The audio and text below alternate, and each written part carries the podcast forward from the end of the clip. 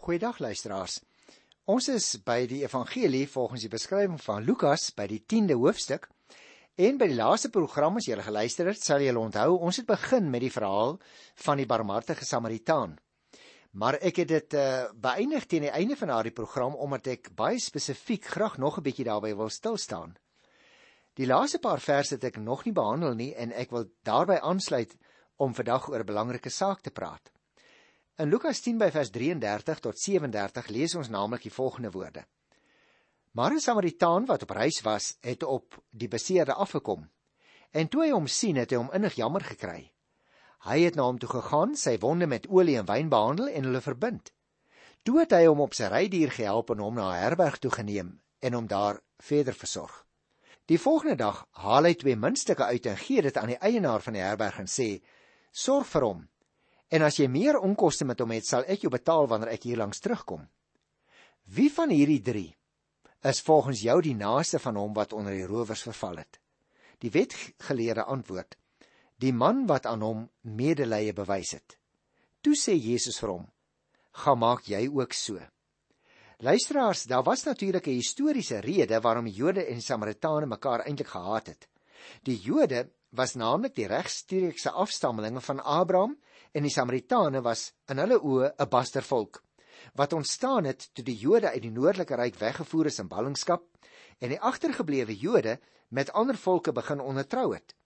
Die wetgeleerde vir wie ons nou in hierdie gedeelte ontmoet en wat die kritiese vraag vra oor wie se naaste is ek nou? Sou dus aanvaar dat die Samaritaan nie maklik reg sou optree nie. Dit was ook duidelik dat daar by hom geen liefde was nie en dit was so het hy vroeër erken 'n vereiste van die wet. En daarom is hierdie gelykenis 'n verhaal wat vir ons duidelik aandoon hoe groot die liefde van die Here Jesus vir ons is. Net soos die reisiger wat langs die pad bly lê het, kan jy en ek ook niks doen om onsself te help nie. Maar die voorbeeld van naaste liefde wat die Samaritaan vertoon in hierdie verhaal, het Jesus volkome bewys. Hy het nie alleen die beseerde langs die pad versorg nie, maar die Samaritaan was selfs bereid om selfs tot die dood toe beseer te word ter wille van ons.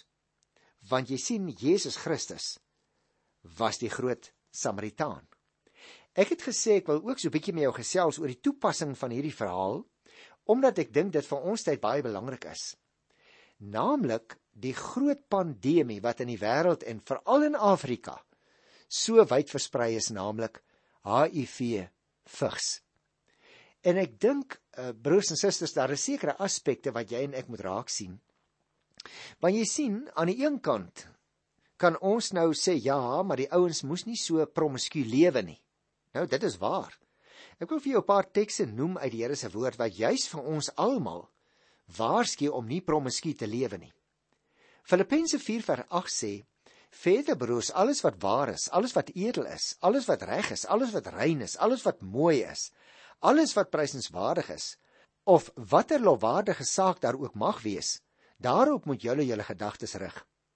Of 1 Johannes 3 vers 3 sê: Elkeen wat hierdie verwagting in verband met Jesus koester, moet homself rein hou soos Jesus rein is. Romeine 6 vers 22 sê byvoorbeeld maar nou, julle is vrygemaak van die sonde en in diens van God gestel. En die vrug daarvan is dat julle geheilig word en die uiteinde is die ewige lewe. Die loon wat die sonde gee is die dood. Die genadegawe wat God gee is die ewige lewe in Christus Jesus die Here. Maar nou luisteraars, as jy en ek wel in sonde geval het en ons neem nou ons toevlug tot die Here Jesus Christus, dan wil ek graag aan jou die bevrydende woorde uit God se woord voorhou. Luister nou maar byvoorbeeld na Psalm 103 vers 12. So ver as die ooste van die weste af is, so ver verwyder hy ons oortredinge van ons af. Miskien is daar selfs 'n persoon wat HIV vigs positief toets wat voel maar ek kan nie na die Here toe kom nie. Nou Is daar nou vir so 'n persoon genade? Ja, daar is. Ek het nou net Psalm 103 gelees. Luister byvoorbeeld ook na 1 Johannes 1 vers 8. As ons ons sondes bely, hy is getrou en regverdig. Hy vergewe ons ons sondes en reinig ons van alle ongeregtigheid. Maar nou kan jy sê, maar broer Johan, jy sit nou daar agter die mikrofoon. Ek is ja HIV positief nie. Hoekom lees jy vir my hierdie goed? Om hierdie rede. Jy sien as Christene het elke een wat die naam van Christus bely 'n liefdesplig teenoor mense in nood wat die aard van daardie nood ook al mag wees. Het jy opgemerk dat in die verhaal die Here Jesus nie vra nou maar hoekom het hierdie man nou gaan loop op die gevaarlike pad tussen Jerusalem en Jerigo? Nee. Hy vra nie hoekom was die ou so dom nie? Hoekom het hy so 'n simpel ding gedoen nie? Hoekom het hoekom het hy in 'n onbesonde oomblik dalk die reis aangepak? Hy vra net wat gaan jy as gelowige doen om die een wat in nood is of miskien die een wat as gevolg van sonde siek geraak het. Wat gaan jy doen om daai ou te help? Want 'n mens kan baie maklik praat oor hierdie gelykenis van die barmhartige Samaritaan, byvoorbeeld, wie in ons dag is nou die priester, wie is die leviet en wie is die Samaritaan? Ons kan baie mooi woorde gebruik en baie dinge sê, dis waar. Maar ten diepste lê hier 'n baie belangrike lewensles wat die Here Jesus nie net vir die wetgeleerde wou geleer het nie maar ook vir jou vir my hier in vers 37 gaan maak jy ook so. En luisteraars nou sit presies hier waar ons rol as barmhartiges moet inkom. Let op. Wanneer die man in ons verhaal onder die rowers verval wil ek weer sê word nie gevra maar wat het jou by die gevaarlike pad gedoen nie of maar wat het jou besiel om jou in die situasie te begewe nie nee wanneer die man onder die rowers verval. Wanneer iemand in die moeilikheid is, wanneer 'n persoon kanker het of wanneer hy vigs opdoen selfs, verskuif die klem onmiddellik ook na diegene wat hom of haar teekom op die lewenspad. Jy sien as Christen word jy en ek die oë van die Here. Ons word die Here Jesus en die Samaritaan se hande en voete. Ons word die kanaal waardeur God se barmhartigheid moet deurvloei na die persoon in nood toe. En dan het jy en ek mos 'n liefdesplig om te vervul nie waar nie. Dan geld die woord mos ook vir jou en vir my. Gaan en doen jy net so soos die Samaritaan. Luisteraar, mag ek jou daaraan herinner. Daar was mos ook 'n dag dat God teenoor jou as die groot Samaritaan liefde bewys het. Om die waarheid te sê, die groot Samaritaan doen dit nog steeds elke dag gaan dan en doen jy net so. En dis nie altyd so maklik nie. Jy sien is maklik as ons praat oor die teorie van die Bybel en ons lê die Bybel uit en ons praat oor die agtergrond. Maar soos die kinders sê, daar waar die tyre die teerstraat tref, daar lê die toets vir ons geloof. Nou ja goed. Kom ons gaan nou verder met ons verhaal in Lukas. Dit is die 10de hoofstuk by vers 38.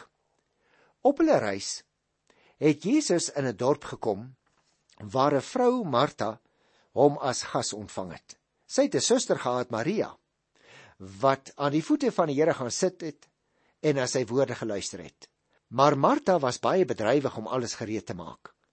Toe kom sy daar staan en sê: "Here, hinder dit U nie dat my suster my alleen laat bedien nie? Sê sy moet my bietjie kom help." Maar die Here antwoord: "Martha, Martha, jy is besorg en bekommerd oor baie dinge, maar net een ding is nodig. Maria het die beste deel gekies en dit sal nie van haar weggeneem word nie. Dit gaan hier luisteraars oor prioriteite. Martha en Maria het die Here Jesus natuurlik albei liefgehad. Hulle was albei hier besig om die Here te dien. Martha wou egter te kenne gee dat die manier waarop Maria hom gedien het minderwaardig is en in vergelyking met haar diens wat aan sy voete sit en luister, het sy belangriker werd gehad na eie oë. Nou na aanleiding ook juis van die uh, gelykenis van die barmhartige Samaritaan wat ek nou net die, die laaste stukkie van behandel het vandag. Wil ek vir jou daarop wys luisteraar, jy en ek, nie een van ons het 'n belangriker taak in die koninkryk as die ander een nie. Net soos wat hierdie twee vrouens albei die Here Jesus gedien het, En Martha toe gedink om na die woorde te luister wat die meester spreek is belangriker. Wys die Here Jesus haar daarop. Dit is ewe belangrik dat ek versorg moet word. En juis daarom moet ons versigtig wees om onsself en ons taak belangriker te ag as die van iemand anders. Dit bring ons nou by 'n volgende afdeling in hierdie sogenaamde reisverhaal van die Here Jesus, naamlik onderrig oor die gebed. En dis 'n baie interessante gedeelte want dit is nogal maklik om oor gebed te praat, maar is moeiliker om dit in jou lewe toe te pas elke dag. So kom ons kyk na hierdie woorde van die Here Jesus in Lukas by die 11de hoofstuk, die eerste 4 verse. Jesus was eers op 'n plek besig om te bid. Toe hy klaar was, sê een van sy disippels vir hom: "Here, leer ons bid soos Johannes ook sy volgelinge geleer het." En hy sê vir hulle: "Wanneer julle bid, sê dan: Vader, laat U naam geheilig word. Laat U koninkryk kom. Gee ons elke dag ons daaglikse brood en vergeef ons ons sondes, want ons vergewe ook elkeen wat teen ons oortree en laat ons nie in versoeking kom nie. Dit val my elke keer op wanneer ek 'n vermelding van die Here Jesus se gebedslewe lees dat Lukas juis die gebed as 'n baie belangrike tema ag in sy vertellings. Hierdie gebed het Matteus byvoorbeeld, jy sal onthou daar in Matteus 9 van vers 9 af, hy het hierdie gebed ook opgeteken. Nou is daar natuurlik verskille tussen Matteus en Lukas se weergawe. Die Here Jesus het waarskynlik, wil ek net sê, by verskillende geleenthede en dan miskien nie in presies dieselfde woorde nie, hierdie gebed uitgespreek sodat daar in die mondelinge oorlewering twee verskillende forme van die gebed in onloop kon wees. Dis moontlik. In Matteus byvoorbeeld spreek Jesus die gebed uit as 'n belangrike onderdeel van die bergrede en ook sonder dat hy daartoe versoek word soos hier in Lukas want hier word hy deur die disippels gevra leer ons hoe om te bid. Joodse godsdienstige groepe het natuurlik byna elkeen 'n eie gebed gehad wat hulle onderskei het van ander groepe. Die disippels wou waarskynlik ook 'n gebed hê vir hulle. Daarom sê hulle soos Johannes se volgelinge Hulle wou dit as ware soos soos ons rugby spanne of soos ons netbalspanne uh so 'n eie kreet of 'n eie ding hê. En hier gaan dit dan oor die gebed. Matteus tussen hakies gebruik die langer Joodse aanspreekvorm ons Vader. Lukas in sy weergawe gee die kort Griekse vorm Vader. Nou Jesus het heel moontlik die Arameese vorm Abba gebruik want onthou die spreektaal van die Here Jesus was heel waarskynlik Aramees en nie suiwer Hebreëus nie. Nou dit is 'n baie intieme aanspreekvorm van God as jy vir hom Abba sou noem. In die mond van sy volgelinge sou dit beteken dat hulle in dieselfde verhouding tot die Vader betrek word as waarin die Here Jesus gestaan het. Nou maar goed, kom ons kyk na hierdie gebed want hy hy hy bevat eintlik dan net 'n aanhef naamlik Vader laat u naam geheilig word en met wat sy inhoud betref eintlik net die eerste gedeelte wat ons in die weergawe van Matteus kry daar by die 6ste hoofstuk. Maar die tweede deel van hierdie gebed in vers 5 tot 10 gaan dit eintlik nie meer spesifiek oor die gebed nie, maar oor volharding in die gebed. Luister 'n bietjie daarna. Verder het Jesus vir hulle gesê: "Sê nou een van julle het 'n vriend en jy gaan in die middel van die nag na hom toe en vra vriend leen my 'n bietjie drie brode want 'n vriend van my was op reis en hy nou te by my aangekom en ek het niks om vir hom voor te sit nie. Nou jy sien die Here Jesus leer dikwels deur gelykenisse en nou baie interessant hierso vertel hy dadelik so klein uh so klein storieetjie die gebed word dus onmiddellik opgevolg met 'n gelykenis waardeur die disippels aangespoor word om te bid en te weet dat hulle verhoor sal word. Alhoewel miskien nie onmiddellik nie. Die gelykenis veronderstel 'n situasie van iemand wat sê ek wonder of dit die moeite werd is om te bid, want my gebed word nie juis verhoor nie. Vir so iemand moet dan nou gesê word bid met vrymoedigheid, want God is vriendeliker as 'n vriend. Sê nou 'n mens kry onverwagse besoeker en jy het niks om aan hom voor te sit nie jy besluit, het ons nou hierdie geval gelees, om 3 brode te gaan vra by 'n vriend wat kan help. Al is dit in die middel van die nag. Dit gaan dus oor volharding. Luister na vers 7. En die antwoord kom dan van binne af. Moet my nie lastig val nie. Die deur is al gesluit, ek en my kinders is al in bed. Ek kan nie opstaan om vir jou te gee nie. Ek sê vir julle, al sou hy nie opstaan en vir hom gee omdat hy sy vriend is nie, sal hy tog opstaan om aan hom alles te gee wat hy nodig het, omdat hy hom nie skaam om aan te hou vra nie. En luister nou, ek sê vir julle, vra en vir julle sal gegee word. Soek en julle sal kry. Klop en vir julle sal oopgemaak word. Elkeen wat vra, ontvang en elkeen wat soek, kry en vir hom wat klop, sal oopgemaak word. Dit is dus baie belangrik luisteraars as jy sal opmerk, die vriend het genoeg rede om jou versoek te weier as hy wil, maar hy doen dit nie. En wel om twee redes. In die eerste plek is hy 'n vriend en in die tweede plek hou sy vriend aan om te vra. Jy sien volharding in die gebed is juis 'n middel om ons eie onsensitiwiteit te bowe te kom. Nie God se nie. Dit lei tot 'n verandering in ons harte en gedagtes, nie in God se nie.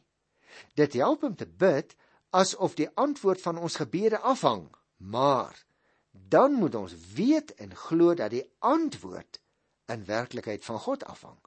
Volharding in die gebed stel ons dus ook in staat om God se werk te herken wanneer ons dit teekom op die pad te sien dit is die Here wat nou gereageer het. Dit handel dus in die gedeelte eerstens oor die inhoud van die gebed, tweedens oor die noodsaaklikheid van volharding, nie omdat die Here met respek gesê hardhorend is nie, maar omdat ons so dikwels as ons wil na die Here toe mag gaan. En nou in die laaste paar sinnetjies van die uh, pedikoop handel dit oor die feit dat God getrou is. Luister net hierna. Ek lees by vers 11. Is daar 'n pa onder julle wat as sy seun vir hom 'n vis vra, vir hom 'n slang sal gee in plaas van 'n vis? Of as hy 'n eier vra, vir hom 'n skorpioen sal gee?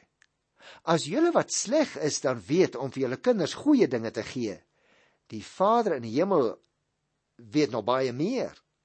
Hy sal die Heilige Gees gee vir die wat vra. Is dit nie wonderlik nie? 'n Goeie pa behandel sy kinders goed. Al maak hy soms foute. Wie van ons wat paas is, het nog nie foute gemaak nie? Hoeveel beter behandel die Hemelse Vader dan die ons wat sy kinders is nie?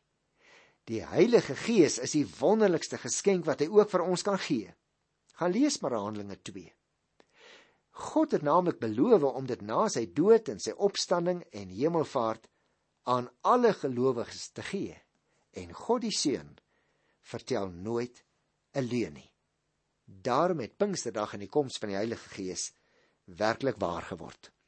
Nou luisteraars, nou kom ons by 'n gedeelte wat jy sal onthou handel oor onder andere Beelzebul en die mag van die duiwel. En toe ons 'n soortgelyke gedeelte behandel het in Matteus het ek gepraat oor die lastering teen die Heilige Gees.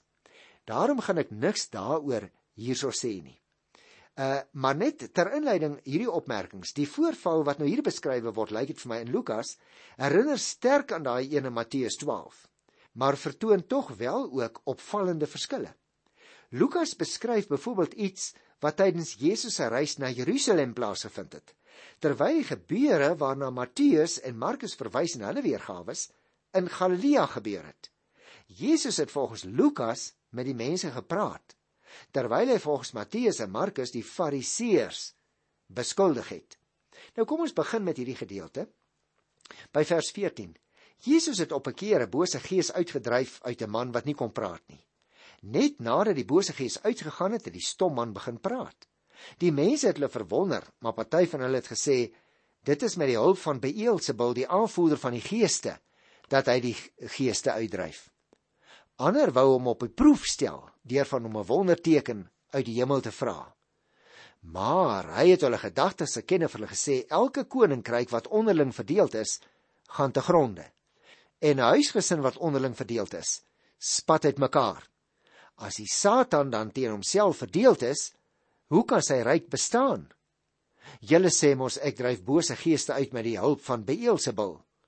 As ek wel deur Beelzebul bose geeste uitdryf, met wie se hulp doen julle eie volgelinge dit dan? Dus hulle bewys self dat julle verkeerd is. Aangesien ek dus deur die vinger van God bose geeste uitdryf, het die koninkryk van God inderdaad tot by julle gekom. Jy moet oplet luisteraar, die volgelinge verwys hier na die eksorsiste.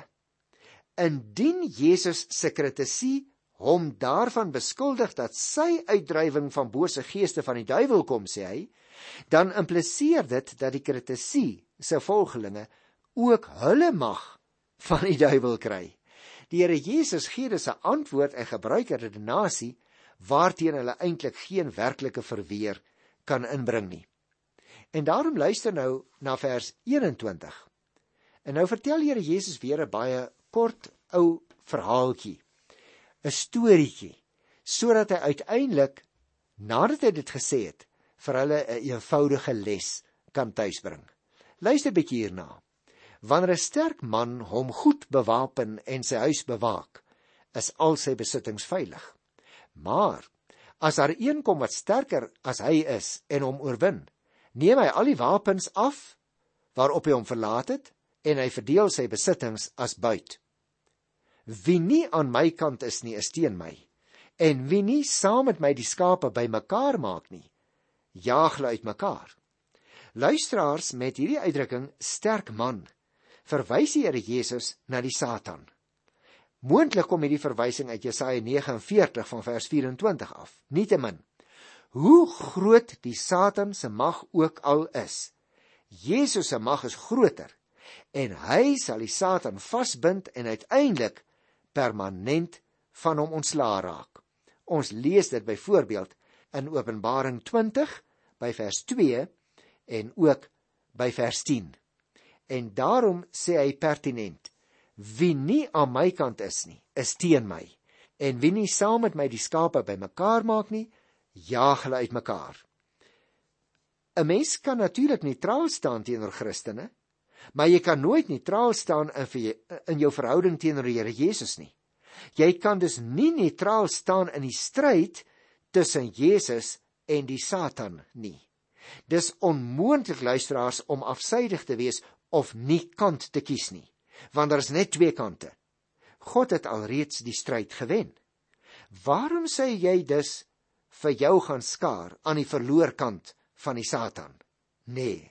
Nee, jy en ek wil liewer aktief aan die Here Jesus se kant van die streep staan.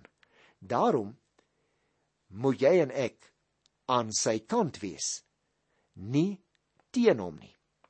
In hierdie hele gesprek wat draai dan rondom die gesag van die Here Jesus asof hy die duiwel sou uitdryf in die naam en in die gesag van Beelzebul die hoof van die duiwels maak die Here Jesus 'n eenvoudige standpunt kyk na my werke. En as julle dan nou my werke wil vergelyk met die wat ander mense doen, nou ja, dan is hulle ook seker besig om in die naam van Beelzebul uit te dryf, want hulle doen dit nie in die krag van God nie. Maar nou vertel hy dan die gelykenis hier om te sê: die sterk man wat in 'n huis inkom, wat dan verslaan word, is die duiwel en ek is aan die ander kant. En wie nie teen my is nie, is vir my. Ek wil vra luisteraar, aan wie se kant staan jy?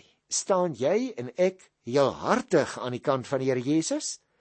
Of sit ons baie keer so een toon of een been oor die streep? En dan is ons in die leermag van die duiwel. Ons moet onvoorwaardelik aan sy kant van die streep staan. Ek groet jou in die wonderlike naam van Jesus Christus die oorwinnaar. Tot volgende keer. En tot dan. Totsiens.